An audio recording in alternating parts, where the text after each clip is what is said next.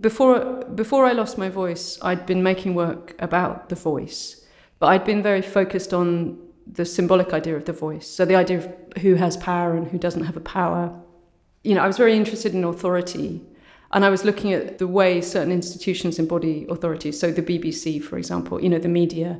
In the British context where I'm from, the BBC, there's a very specific voice that comes out of the BBC, you know, and there's there's a sort of voice that any British person associates with authority because we've all grown up with the BBC, which is this very kind of white, male, upper middle class, university educated type of voice.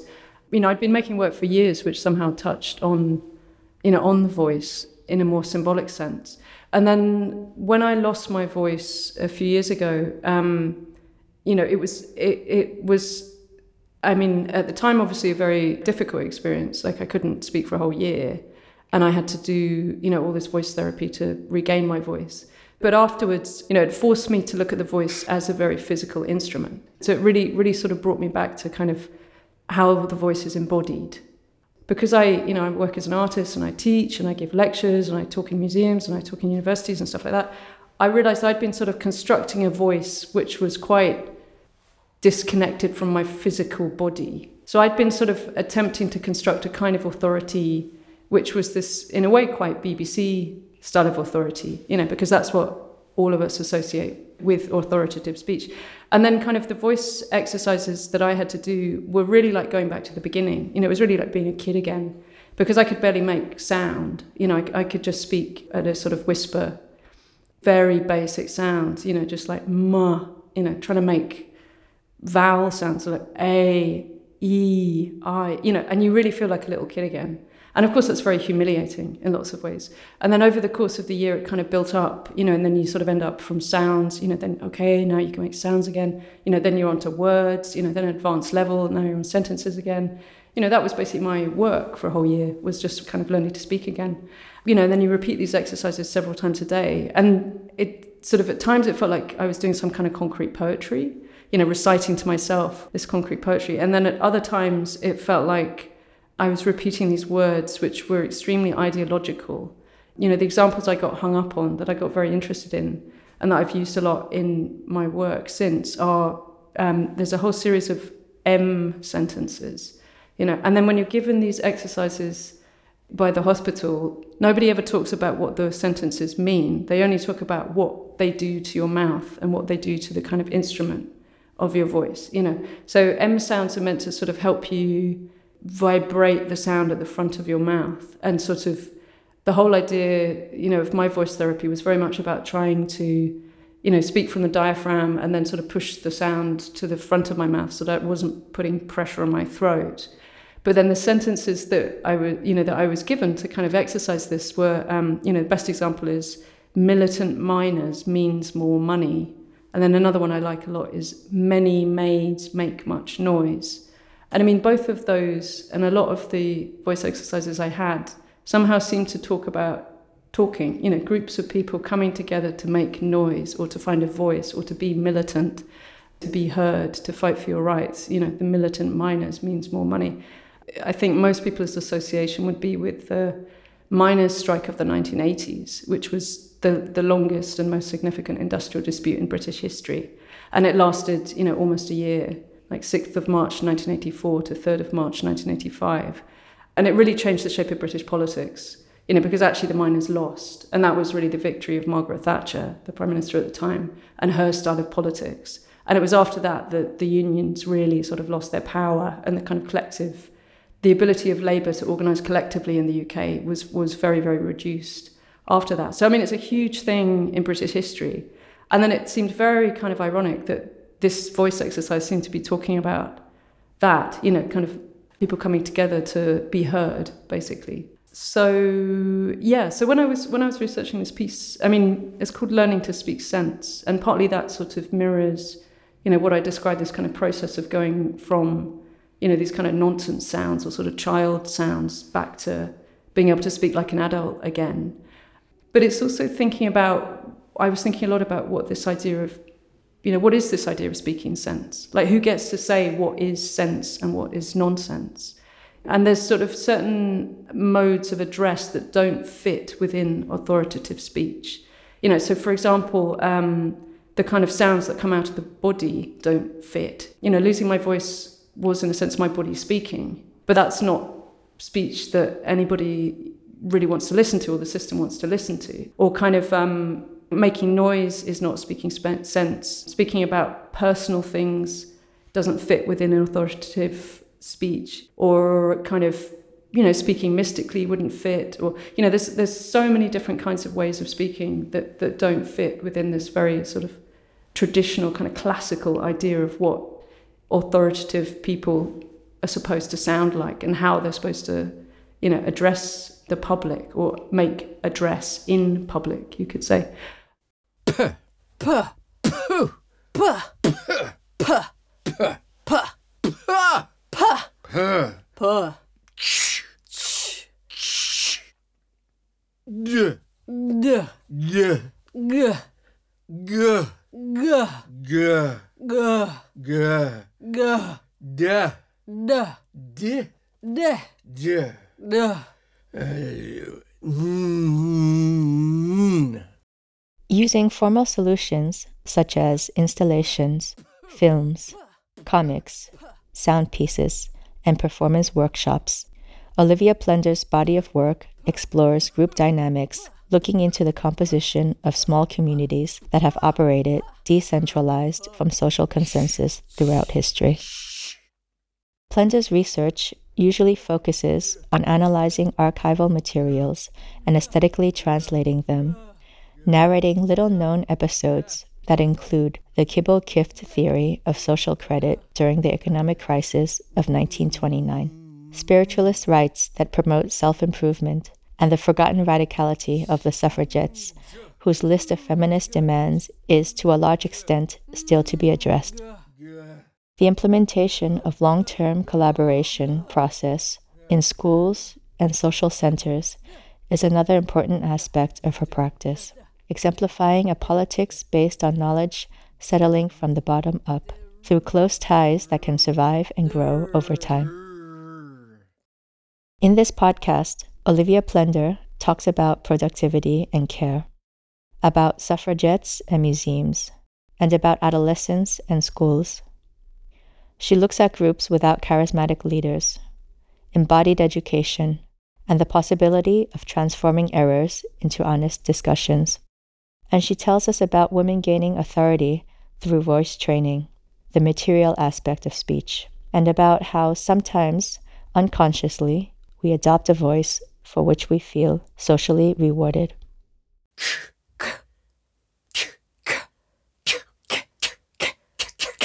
I've been reading a little bit about sort of classical culture and the origins of, you know, this sort of tradition of oratory, which politicians still use today. And of course, it's a very, very male tradition. You know, like if you go back to kind of, you know, Aristotle, like there's there's this quote that I use in my um, performance where he, you know, Aristotle says that, you know, the high pitched voices of women is one evidence of their evil disposition. He absolutely connects the idea of having a high pitched with, um, you know, not being acceptable in public. And speaking with a low voice is intimately tied up with being acceptable as someone who is able to speak in public and should be listened to in public it's sort of gendered from the beginning, that whole kind of tradition of oratory. But then when I was looking at these female authority figures, I, I sort of ended up, you know, with, you know, a lot of female academics, female politicians, but also one of the earliest ones that I looked at was um, Christabel Pankhurst. So I found this voice recording of her speaking 100 years ago. And Christabel Pankhurst, she was um, one of the leaders of the campaign for votes for women in the UK. So she was she was one of the leaders of a group called the Women's Social and Political Union, who were the militant suffragettes in the UK. So they're the ones that were kind of, you know, they were huge at the time. I mean, they they were kind of, um, you know, had had this sort of militant campaign, which is which is still quite well known today. So they were sort of smashing windows, kind of doing acts of vandalism, setting fire to buildings, doing arson. And you know it was a huge campaign. But anyway, so I found this um, voice recording of her speaking, and then that was very interesting because she speaks with a very high voice, which is not what we associate with authoritative speech at all. But she still speaks well and she speaks with authority, you know, so that was interesting. And then um, another example, you know, of course, the classic one that we were just talking about is Margaret Thatcher. When you analyze her speech, she actually still does speak with quite a high voice. So I've been working with a voice coach. She's able to kind of hear far more than I'm able to hear. But we were sort of sitting watching all these kind of video clips of, of these different figures. And with Margaret Thatcher, you know, she's speaking, you know, speaking still in quite a feminine voice or female voice in terms of the pitch, but she adjusts her resonance. You know, she has all this kind of space at the back of her mouth, which sort of projects her words in a very authoritative way. And the other thing she does is she uses a very specific rhythm.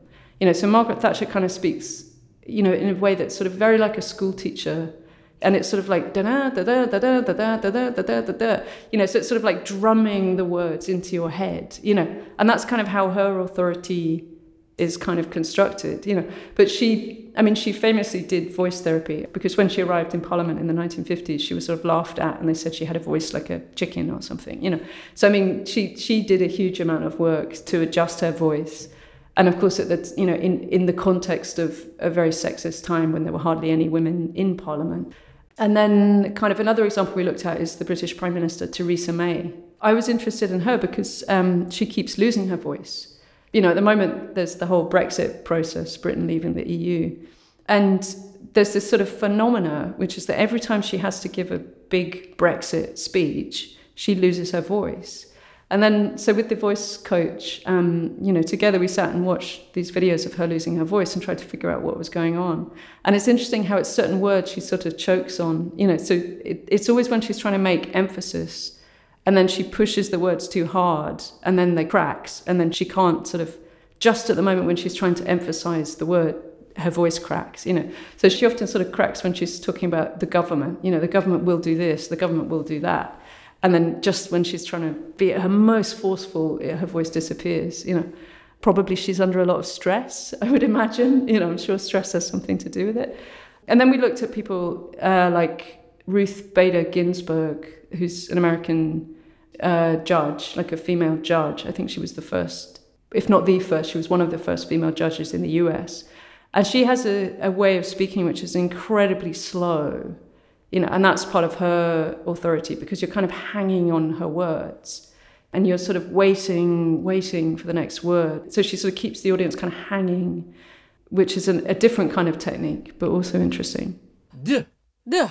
And it was it was a big question when I'd lost my voice. All, all my friends were like, "Oh my god, what if your voice comes back different?" And I was like, "Please don't say that." you know, it's actually come back pretty similar like yeah i basically speak exactly the same as i did before but when i was learning to speak again the voice therapist that i work with was trying to push me to to kind of raise my pitch like to higher my pitch because i speak quite low for a woman and i was like incredibly emotionally resistant to this i felt all this kind of internal resistance and i was like no way i don't want to end up with some kind of silly little voice and no one take me seriously.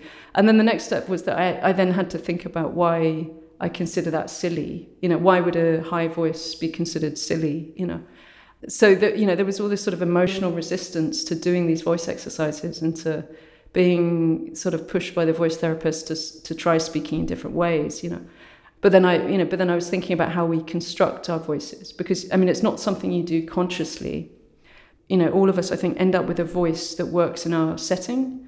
You know, so you end up with the voice that you're somehow rewarded for. In the context of my work, maybe I've ended up with a low voice because I do so much teaching. And kind of, you know, and also questions about queerness and sort of my own gender identity and kind of not wanting to be read as a as a very feminine woman.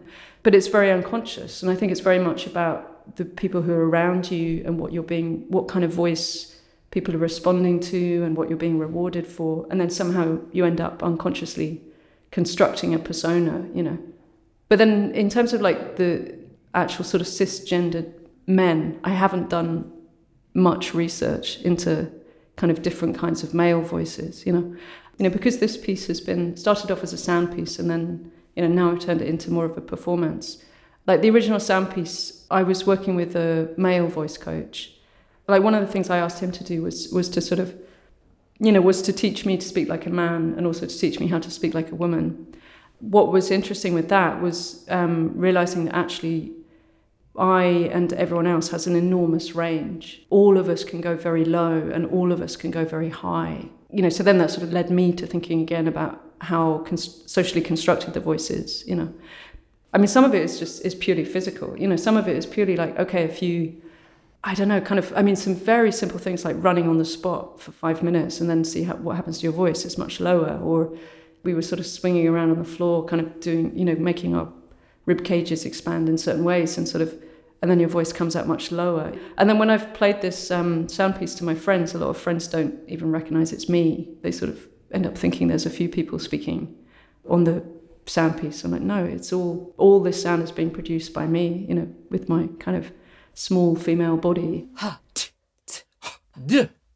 I work a lot with history. Like one, you know, one part of my practice, I, you know, kind of do a lot of historical research, and I tend to kind of look at bits of history that have been neglected. And of course, like, um, you know, either they've been overlooked or very unknown in the contemporary world, or it's sort of bits of history that have been very misrepresented that I'm interested in. And then, of course, the reasons why they've been overlooked or misrepresented are, are usually to do with, um, you know, the, the subjects who are part of that history being marginalized people. So, I mean, in the case of Sylvia Pankhurst, like she is a very well-known figure, and the British suffragette movement is is very well known um, and very celebrated.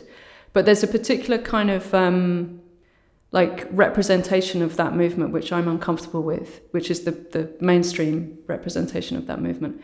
So, you know, one of the things that I've thought about a lot with that movement as a whole is how queer it was. You know, like a lot of those women were in same sex relationships.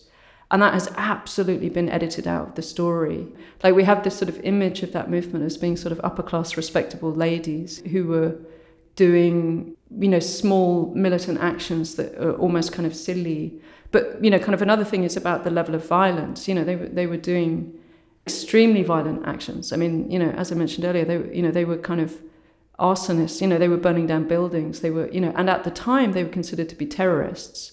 The British state adopted an attitude where any woman became suspicious as a potential terrorist, and certainly anyone who was part of the suffragette movement was a terrorist, was a, considered to be a potential terrorist. That level of violence and the, also the violence of the state that was directed towards them has been very kind of edited out of the story. And then with Sylvia Pankhurst, like my, my interest in her in particular is, um, I mean, she was part of the Pankhurst family who were running the Women's Social and Political Union, which was, you know, one of the main organisations of the women's suffrage movement. But then she is, to me, particularly interesting because of what she did afterwards. Her approach to to running groups like that. So she ended up setting up a group in East London, which at the time was the one of the poorest parts of the UK. You know, she was collaborating with working class women. They eventually became the first communist party in the UK. So they sort of, you know, were tying together issues of gender discrimination with class discrimination. And then they also ended up doing an enormous amount of anti racist work. So Sylvia Pankhurst herself has an incredible story because she ended up, you know, sort of living in Ethiopia and actually died there in, I think, 1960. And she did a huge amount of um, kind of anti fascist campaigning. So in 1935, when Mussolini invaded Ethiopia, Sylvia Pankhurst and her group were arguing very strongly that you know that the struggle against fascism in Ethiopia was as important as the struggle against fascism in Europe, which is an amazing position to have taken, especially at the time. She was tying up issues of class, race, and gender, you know, together and working on all of those all of those fronts. And then, of course, um, she was also an artist. About, I mean, about 10 years ago, I was doing a commission for the Women's Library in London, which is a feminist archive, along with a, a friend and colleague of mine called Hester Reeve, who's another British artist. And we found a drawing by Sylvia Pankhurst. At that point, I had no idea that she was an artist, and then sort of got interested in this drawing and started kind of digging around and kind of wanting to know more about her and her work. And then we sort of found out, you know, that actually, you know, she trained at the Royal College of Art in London. You know, she had this incredible body of work. Her main sort of series is like a series of painting of women workers. So she did a tour of the UK in 1907 where she basically documented women's working conditions, you know, in factories and fields. You know, and they're really great paintings. And then she also kind of designed the whole visual identity of the Women's Social and Political Union, the group that her family were running. And there's all these ways that her background as an artist is sort of embedded in her activism and kind of ways in which she was using her skills as an artist. I mean, one of the things I'm interested in thinking about is how when she was um, with the East London Federation of Suffragettes, in a way, her practice and their practice becomes a much larger challenge to the institutions of art.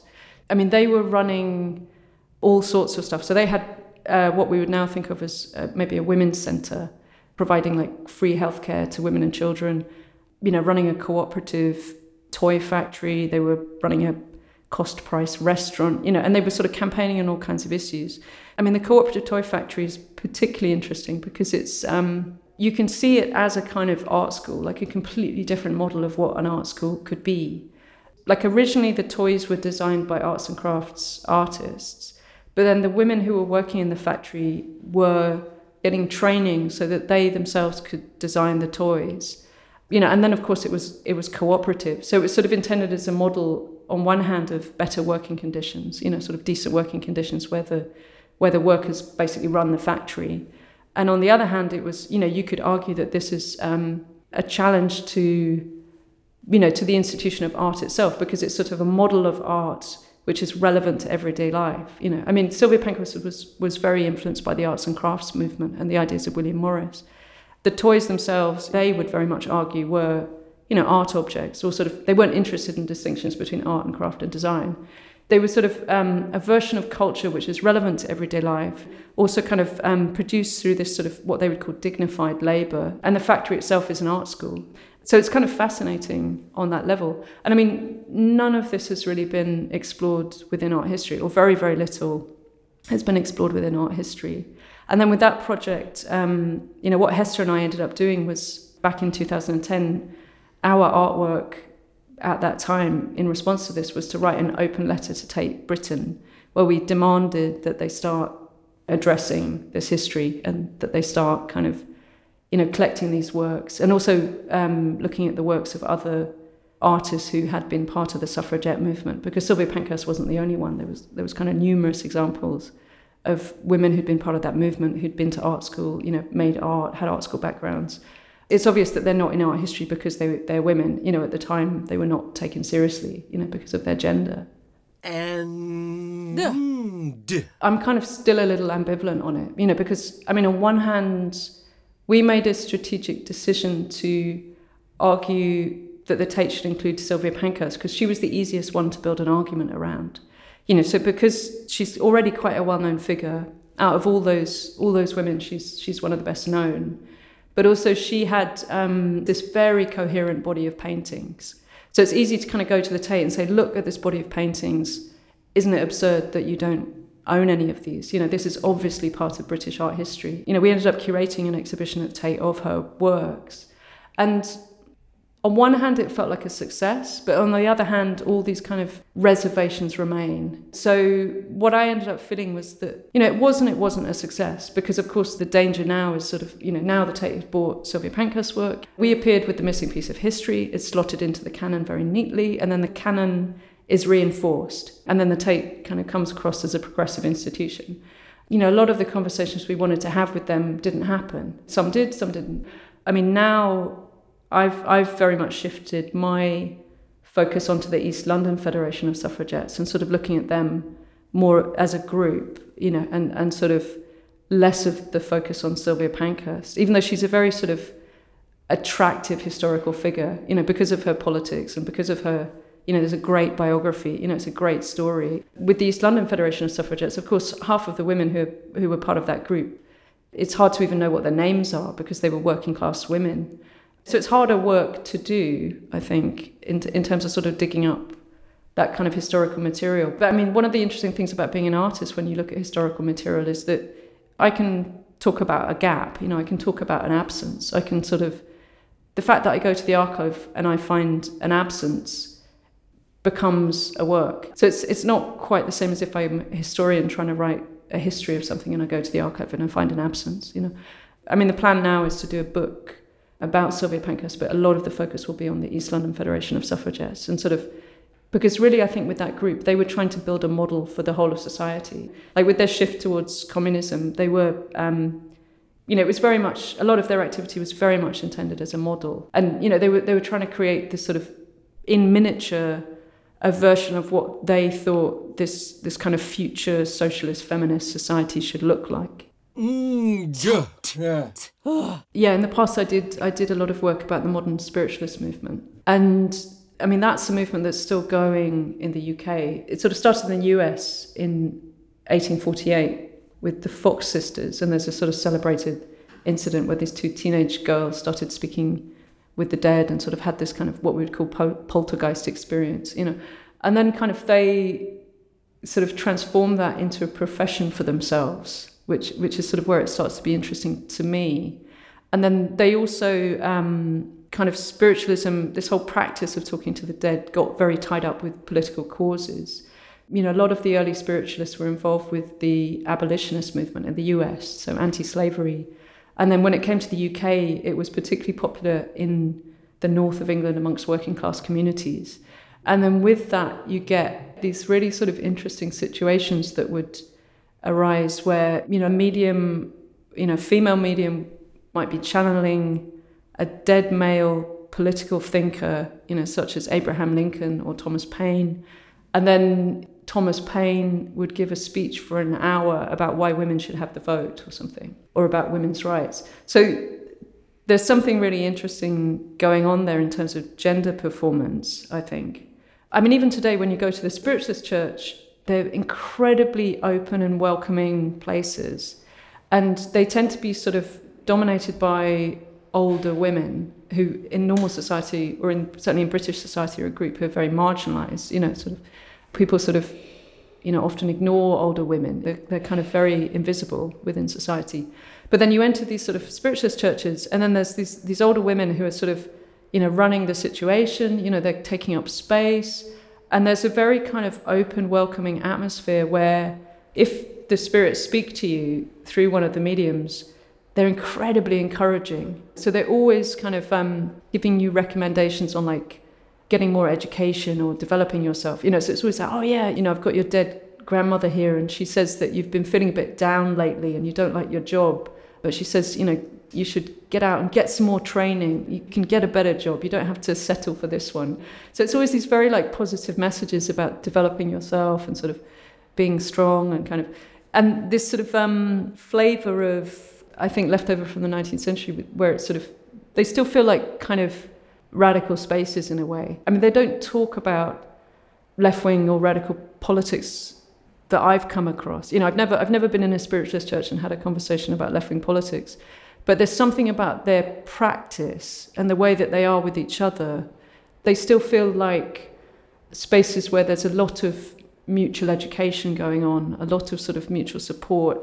And I mean, in the 19th century, they talked about themselves as as being you know, they would call their spiritualist churches lyceums, you know, and, and sort of they talked about them as educational spaces. And they were really kind of, you know, and you have all these stories about like, um, you know, people not being able to read and then sort of having, you know, I mean, there's a American medium who was famous in, you know, kind of in the 1840s called Andrew Jackson Davis, who, you know, he was a shoemaker, couldn't read and write.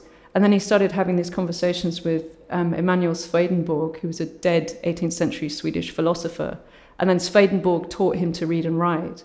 And for me, like, it's not important whether it's true or not. You know, that's completely irrelevant as a question because there's clearly something educational going on. And I think the further you get from the center of power, the stranger people's practices seem. I mean, still today, the people who are part of spiritualist churches, they're not people with a lot of power. And so the way that they express their politics is very, very different from the way people at the center of power, you know, who are close to the center of power, express themselves. I mean, one thing with the spiritualists that I like is that there are no charismatic leaders. I mean, modern spiritualism is a religion, but it's also a social movement. And if you compare it to you know, other religions like the Catholic Church, for example, you know, Catholic Church is, is a pyramid structure. You know, you have the Pope who dictates what is the truth. You know, he's the one who has contact with God. There's a clear hierarchy, and the priests come in between the people and the divine or the mystical or whatever that is. You know, but in Spiritualist Church, everybody can be a medium. So that's one of the things I like about it is that you go there, and there's usually a group of people up on the platform, you know, who are mediating between the participants and the um, you know in the other world the messages that come through are always about how anybody can do this so there's this huge emphasis on training so it's like you know i'm standing up here you know but you could be on the platform you too could become a medium. All you need is a little bit of training. So i really like that as a, as a kind of group structure. You know if, i mean if you think about that as an educational structure it's an educational structure which is all about distributing the knowledge so that everybody learns the techniques. Everybody can have access to the knowledge, you know, and do it for themselves and each other. I mean, archival material is very dry, you know, to look at. So, I mean, I don't often show archival material in its raw form, you know, like there always has to be some kind of transformation. I do a lot of sort of translating material from the archive into different forms. So, for example, when I did um, this big project about the Kibbo Kift, you know, that eventually ended up being an installation at, at Tate Britain as part of the Altermodern exhibition back in 2009. Uh, you know, that was a story from the 1920s and 30s. You know, it's a story about the financial crisis in a way. You know, so they started off as a, as a very sort of utopian left wing movement in the early 1920s and you know it was democratic it was you know they were interested in gender equality and close to the cooperative movement and stuff like that and then kind of it sort of got taken over by a charismatic leader who was this guy john hargrave who was an artist and then you know kind of as the 20s went on it really morphed into being a cult very top down. And then when the financial crisis happened in 29 when wall street crashed they then became a uniformed group and they sort of got very into this monetary reform theory called social credit. And they called themselves the green shirts and they were advocating for this you know for social credit. And they started marching around in the cities they sort of went from being like a camping movement like a left-wing version of the boy scouts to suddenly being this uniformed group military style quite autocratic leader you know marching around the, the cities and participating in the hunger marches that were happening at that time. And then, you know, I mean, I was making that work in 2007 and 2008, which was when the contemporary financial crisis was, was happening. And, you know, it really was a work about the contemporary financial crisis. And I was using this movement as, as a way of talking about what was happening in the present tense. You know, so I made this whole installation where I sort of reconstructed stuff I'd found in the archive. So I sort of I made my own versions of their costumes and banners and and then I also you know I, I sort of made a decision not to show any of the photographs you know because kind of black and white photos of people doing stuff in the 1920s it's it's very you know there's that sort of fetishism of the archive and I didn't want that so I I made these kind of illustrations from them which looked quite sort of like something from a children's book you know or, or kind of you know, from from a fairy tale or something. You know, it added this sort of layer where I think the audience at the time didn't know if this was a fiction or not a fiction. You know, so then you get that kind of questioning about whether this history is true or not. As part of the installation, there was there was this um, video which was, you know, I had this whole kind of like workstation set up in the corner, you know, as if there was some kind of researcher. You know, I mean, it looked very much like a kind of small social history museum. You know, and then there was this kind of desk in the corner, you know, with with a computer and sort of different kind of documents from the present. And then on the computer was this kind of PowerPoint, you know, and of course PowerPoint is like the form we use now for lectures. And this PowerPoint basically kind of told the story of the Kibbo Kift and the story of the contemporary financial crisis and sort of mixed up the two. And then the images were these sort of images that I'd drawn. There was a sort of folding in time of sort of then and now and a kind of you know it was sort of stories about me going around researching this movement but then yeah i think there was a lot of um, ambiguity as i said about whether it was fiction or not and also you know some some of the sort of stuff you really don't know if it is then or now. So, I mean, when I was researching that, you know, I'd be sort of going to the archive at London School of Economics at the time, where a lot of the material on them is held. And then I'd be looking at this material from the 20s and 30s. You know, you read it front cover of a newspaper and it says Wall Street crashes. And then I'd come home on the bus, pick up the newspaper and say Wall Street crashes. And there was that weird kind of folding in of then and now, you know, sort of this feeling of repetition. This sort of video in the form of a PowerPoint kind of captures, you know, these two moments in time kind of folding into each other. Huh. Huh. Hey. Hey. Hey. Hey. Hey. Hey, you. Hey, you. Hey, you. Hey. Hey. Same thing low and open your mouth. Hey. Hey. Hey. Hey. Hey. Hey. Hey. Hey.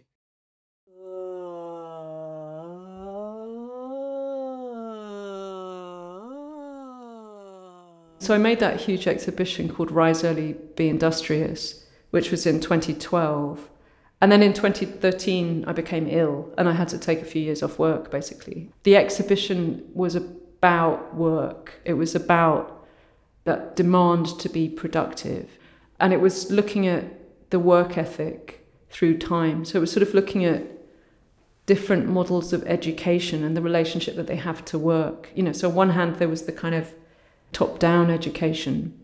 On the other hand, then there was, you know, sort of bottom up kind of education. So, I mean, for example, the Kibbo Kift that we've talked about, you know, they were very focused on leisure and creativity. They were sort of very invested in an idea of playfulness, which kind of goes back to sort of Schiller and the Romantic movement. This idea that sort of play and creativity is what's going to make you free, you know, and sort of playfulness is the opposite of the factory. It's the opposite of rationalism you know, they were very creative. You know, they're hanging out in the forest, kind of putting on plays and making stuff together and trying to sort of free people from the horrors of industrial society, essentially. You know, there's this piece I made called Google Office, which is much more about contemporary working conditions. You know, and that's then sort of thinking about how those ideas about play and creativity somehow are no longer the opposite of work in the paradigm of the Google Office and sort of the creative industries you're expected to love your work, to infuse all of your creativity into it, you know, to sort of, um, you know, all of your social networks are meant to be part of your work. You know, within that sort of um, creative industries paradigm, then play is work. It's no longer the opposite of work. But it's not really play either. You know, it's it's this sort of like corruption of play. I mean, I think part of my interest in the topic of work was because I also struggle with work. And what happened to me afterwards was sort of a demonstration of that. I mean, that exhibition, Rise Early, Be Industrious, you know, the title was ironic, but the reality for me was that I relentlessly had to rise early and was relentlessly industrious because the show was kind of a monster. And it was touring the UK and it was like five different installations, like absolutely huge architectural installations. And like, um, you know, I was also working on a whole load of other projects and not being paid very much for any of these. And then of course you know and then we all have personal lives and then things happen in our personal lives.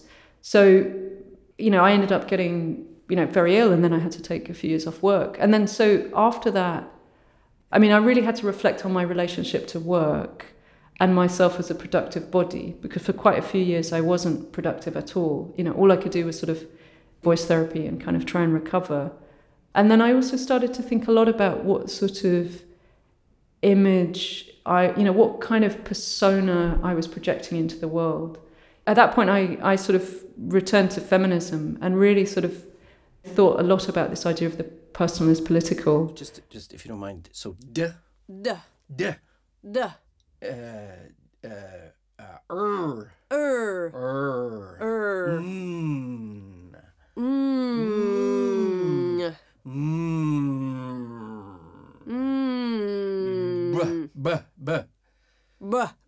duh, Duh. duh. Duh. Yeah, I mean, it's tricky. I mean, it, yeah, it, it is very. It has taken me a long time to figure out how to negotiate these different kinds of spaces. You know, there's very, very different ideas within these three spaces of what counts as a successful project. And it's difficult to sort of, negotiate the different desires that might exist. You know, I mean, one thing I've done a lot of in recent years is sort of like when I first started stepping out of the archive, you could say, and working with groups, at the time I felt like I had fairly limited skills because it's difficult to work with people. I mean, group dynamics are not easy. And there's kind of inevitably, when you come together with a group of people, a huge amount of emotions come up. You know, there's all this kind of emotional material you have to deal with. And kind of, um, there's a lot of very difficult disclosures. You know, so for example, you know, I've been working with women who've had quite hard experiences or very, very hard experiences, you know, in many cases. So homelessness, you know, I've also been working with refugee women you know, so you hear some very difficult stories and you have to kind of somehow manage the group situation so that people feel okay about that, you know, feel sort of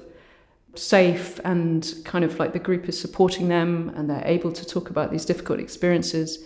I mean, for me, I spend a lot of time thinking about the ethics of that, you know, because there's, there's a huge sort of, there's a sort of set of ethical considerations about what it would mean for me to go into those spaces, take those stories, and then bring them back to the art world, and then kind of, you know, of course, of course, that would be great for my career, you know, kind of. But what's important for me in terms of the power dynamic of that is that there has to be an exchange. I mean, with the women that I work with, I mean, of course, we discuss the power dynamic. I discuss how I'm going to use the work. I'm trying to bring material back to them so that they can sort of have some say in how I'm then going to use that material. You know, there's certain material I won't use outside of women's centres. You know, because I mean, with that project, the primary audience is in women's centres, and the main sort of kind of purpose of that project is is the experience that we're having together and the discussions that come in those workshops and in the women's centres. And then when I bring the back the work back to the women's centres, the actual sort of in a sense you could say the finished artwork you know kind of the idea is that that then is a tool for discussion you know. That's the primary aim. So in a way the aim is sort of um, is political and it's within those spaces you know. But different projects have different logics. So some you know of course I, I do stuff in the art world and that's that's a different kind of space. And then the art world has you know say for example with the tate exhibition you know showing sylvia pankhurst's works in the tate there's an amplification effect you know, like if we'd have done that exhibition in a women's centre, it wouldn't have reached as many people. But you do it at the Tate, there's a kind of amplification effect. There's a question of also thinking strategically about where you want to place different parts of the project and why you're placing them in these different spaces and what, what the effect of that will be and what kind of audience you can reach. You know, when, when you show a political artwork in a museum, there's something you lose and something you gain. And I think as an artist, you have to be very aware of of that, you know, and, and make a very conscious decision about whether what you're giving up is worth giving up in exchange for what you're getting. So I mean, the the positive part is, um, you know, I mean, museums, as I said, there's an amplification effect. A lot of people see, you know, come to museums, but also it gives you access to the media. You know, like if if you're in a big show, it gets reviewed in the newspapers you know, kind of your ideas then enter that realm. You know, they enter the, the realm of the media. You know, whatever it is that you're trying to say. You know, I've thought a lot about what it means to be a female artist showing in museums. You know, so very often in my exhibiting career, I've had the experience where I turn up for a big group show or a biennial or something, and you're like, "Hey, where are all the women?" You know, and it could be sort of you know, kind of a third women to two thirds men. You know, that's been my experience kind of over and over again. So there's one part of me that doesn't want to step out of that space. You know, I want to take up space within the museum. You know, kind of obviously, I also want other people to take up space. You know, I'm not the only kind of body that's being excluded from the museum, and I still have a lot of privilege. Um, I mean, I'm white and I come from a middle class background. I have a lot of privilege. As I said, I'm sort of not prepared to give up that space that I've had to really struggle and fight for and sort of, you know, fight to be taken seriously as a woman. You know, but then the part that you lose is sort of is of course you have to think very carefully about, you know, kind of how showing in this institution will affect the meaning of your work, you know. I mean the classic example of course is corporate sponsorship. I mean, obviously, if you're an artist making work about environmental issues, you don't want to be in an exhibition sponsored by Shell Oil. You know, that would have deeply affect the meaning of your work. You know, and I mean, in my exhibiting career, there's there have been situations where I've withdrawn from shows where I felt that that compromise was a compromise too far because of the sponsorship. And then there have been situations where I haven't withdrawn from shows and I wished I had. Afterwards, I realized I'd made a mistake and actually I should have stepped out, you know. And it's something you review very much on a case by case basis, you know. Actually, here's a thought. Just uh, just let your tongue relax for a second in your mouth, but really let it relax. So, and make your jaw relax too. but really let your jaw feel like it's falling open.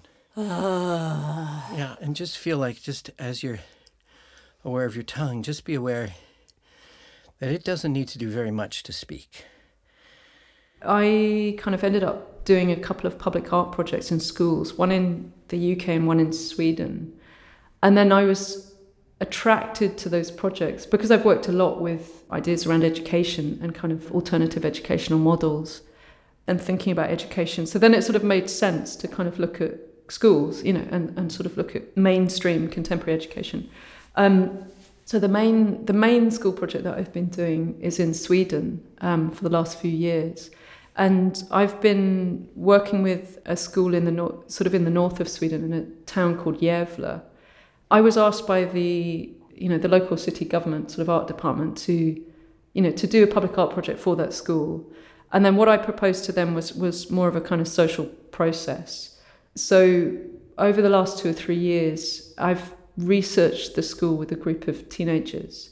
They're aged between 13 and 15. And we sort of came together and I was like, okay, you know, you, you are now my research group. And, you know, kind of together we're going to, you know, research the school. And that, that is kind of everything from, you know, the history of the school, the architecture, the education system, you know, the way the school sounds, you know, the way different spaces in the school sound, you know, all kinds of different things. And then we do, you know, we get together and we sort of you know, kind of do these different workshops and sort of explore stuff. And the aim was to sort of provoke them into into sort of reflecting on this educational experience that they're going through. You know, uh, you know, one of the things we did that was particularly particularly successful for them was um, we did a lot of sessions where I got them to interview uh, other students, like other kids in the school and the teachers, about the education system and about you know, what is school? Who is it for? What would be a different version of school? You know, can you imagine a kind of, you know, what would be your sort of utopian image of school? And then I've ended up with these kind of really kind of interesting, weird interviews. There's a lot of like kids talking to kids, you know. So there's sort of interviews that happened when I was around, which are quite different from the ones that happened when I wasn't around, you know.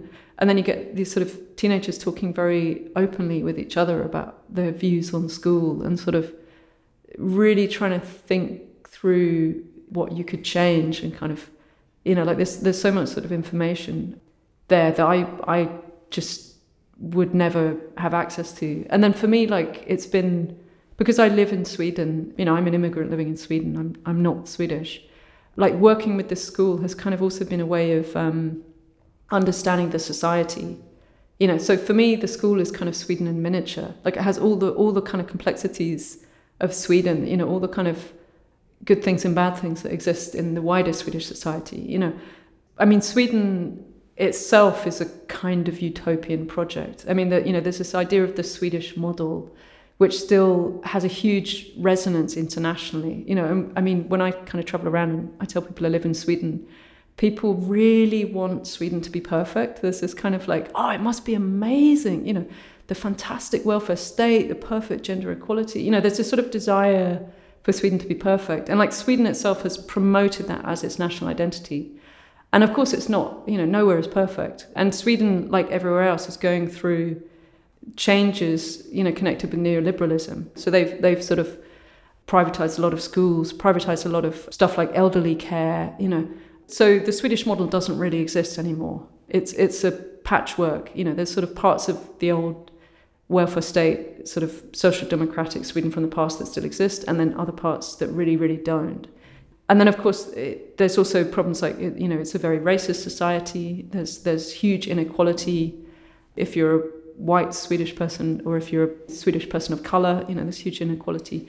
So there's all of these dynamics, which are also, of course, present in the school. You know, it's been interesting for me to sort of look at Sweden through the eyes of teenagers. You know, it's sort of given me this very kind of particular insight, you know, into the country I now live in. And then this work, you know, there's gonna there's gonna be sort of numerous things that come out of this, you know, because the problem I always have is like so much of my work these days has become a social process. It's very hard to finish projects and to sort of figure out how to end the project.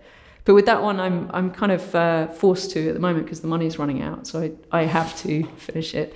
So I'm I'm doing lots of different things. Like one of the things I want to do is a graphic novel, which is um, based on a lot of these interviews that they did, and also sort of shows some of the kind of process of the project. You know, so there'll be a lot of like workshop outlines and kind of discussion about sort of the things that went wrong and the things that went right. I mean, because one of the things I think that happens a lot with you know socially engaged projects and the way that they're represented in the art world is that people don't often talk about what's gone wrong and there's this sort of like, you know, very often when socially engaged projects, as I said, when they're represented in the art world, you know, you, you get images of sort of communities, you know, sitting around drinking cups of tea and everyone looks happy, you know, but kind of the reality is going to be something else, you know, it, it's, I mean, the reality of working with a group of teenagers over three years is that there's been some things we've done that were great. And I was like, oh, finally we've cracked it. You know, we've figured out how to do this. You know, and I, I should say I was working, I wasn't working alone. Like I was working with um, the art teacher at the school who became a really strong collaborator. Um, and then I was also working with, so she's called also Fal Green. And then I was working with a, um, a friend and colleague of mine called Ed Webb-Ingall, who's a community video maker. And so, you know, kind of there'd be times when we'd be like, oh, this was an amazing workshop. We finally figured out how to do this. Yeah, these kids love us. You know, it's brilliant. And then the next time you go back and, and it's completely the opposite. You know, it's like um, everything seems to go wrong. The teenagers are like kicking off and sort of reacting to you and kind of acting out against you and sort of perceiving you as an authority figure in, in ways. I mean, I think one of the tricky things with working with young people is like, you know, whether you like it or not, you are the authority figure. You know, of course, I come in with a with a sort of attitude that comes from critical pedagogy, where I'm like, okay, let's set up a democratic space, but you still have to kind of deal with the fact that you are still the authority figure, and you'll never get away from that. You know, and the difficult part, I think, is trying to set up a space which feels democratic, but where you are still the facilitator. You know, because ultimately you're the adult, you're the responsible person. You have to make sure that everyone feels safe, you know, and sort of keep things rolling, but with enough space that the participants feel like they're seen and heard, you know, feel like they have a say in what's going on, you know. And that's and it's a really tricky balance. And sometimes it, it goes horribly wrong and other times it's great and you and you know, all goes right. So with with this um, graphic novel I want to kind of represent all of that. You know, I want I want to sort of talk about the complexities of that you know, my original plan was to keep them involved at all stages of the process.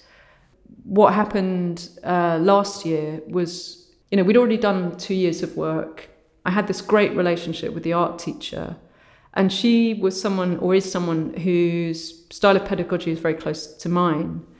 You know, I really had a good collaboration with her, and she had a good relationship to the students, to the kids. But then she left her job, and the reasons why she left her job was because um, she'd been having trouble with her working conditions and she'd taken it to the union. She'd basically been kind of squeezed out of her job after that, you know, and sort of bullied out of the school. So she transferred to another school. And then suddenly nothing was possible anymore, you know. And then I sort of realized how much facilitating she'd been doing. Because then I went back to the school and I had a few, you know, I had a few more kind of sessions with the students, but it just didn't work you know, we had much more problems with the group dynamic, you know, because of course she's a trained teacher, I'm not a trained teacher. But we also had problems, you know, getting into contact with the students. And, you know, she'd really been sort of bringing people into the project, keeping them on board, keeping them excited. And then once she'd gone, it became clear that it just wasn't possible to keep it collaborative on that level. You know, so I basically kind of realized that I had to go away and just finish the project and then come back to them with the project, you know. And I think that's one of the realities of doing socially engaged projects. I mean, the thing is, like, you're working, um, you know, compared to a school, it's quite, it's relatively easy to do an exhibition in an art gallery, you know. Whereas a school has a different agenda. The art project is not their priority at all. And usually art, even the art classes are very, very low down the hierarchy. After, you know, maths and literacy, art is really low priority. So for me to have kind of managed to have two years where I was given quite a lot of freedom and a lot of access to the kids was quite miraculous. So I discovered um, also last year around the same time, like I discovered one of the reasons why I'd been given so much freedom also by the commissioners, you know, because the money came from the local government. When I started the project, you know, I was commissioned by the public art officer of that local government. And, you know, then that guy left his job, that curator left his job. And then there was no curator for two years because the local government was in some kind of political chaos you know, the extreme right party blocking budgets and, you know, all of this kind of stuff. So there, so, so there was no commissioner for those two years. And then I ended up in this kind of ridiculous situation about a year ago when, um, you know, someone finally came into that job. And then he kind of, uh, you know, sort of rang me up and was like, I've, you know, I just found out about your project everyone, everyone had forgotten about it, you know, and he'd been having a meeting at the school about some completely other public art project. And they'd been like, but what about Olivia? We've got a public artist. She's been here for two years. And he was, and he was like, what? You know, I mean, that bizarre kind of local politics had created a situation where I could do what I wanted. You know, I could spend that time, you know, just on process. I mean, one of the reasons I like involving people in my projects is that there's a kind of negotiation then with the audience about what the artwork should be, you know, and, and also like a learning about the audience. I mean, with that school, I haven't been in school in years, so you know, I didn't know any teenagers in Sweden before that. I mean, then, then there's a process where I kind of learn about them. I mean, because one of the things with doing shows in museums, even though you know that's interesting to me in a different way, it's quite dry like you don't directly meet the audience. You know you make your work you leave it in the museum you go away and then people encounter it and you're not there in the moment of encounter. So i think like one of the things i really like about a more workshop process is that you're actually sort of negotiating that all the time. And it's very challenging you know sometimes in ways that aren't fun where you think you're doing the right thing and suddenly you discover it doesn't mean anything to this group or you know they challenge you on what you're doing. But that but i I find I learn a lot from that, and I really like that. Like, sure, the students have learned something too, but I think I'm probably the one who's learned the most.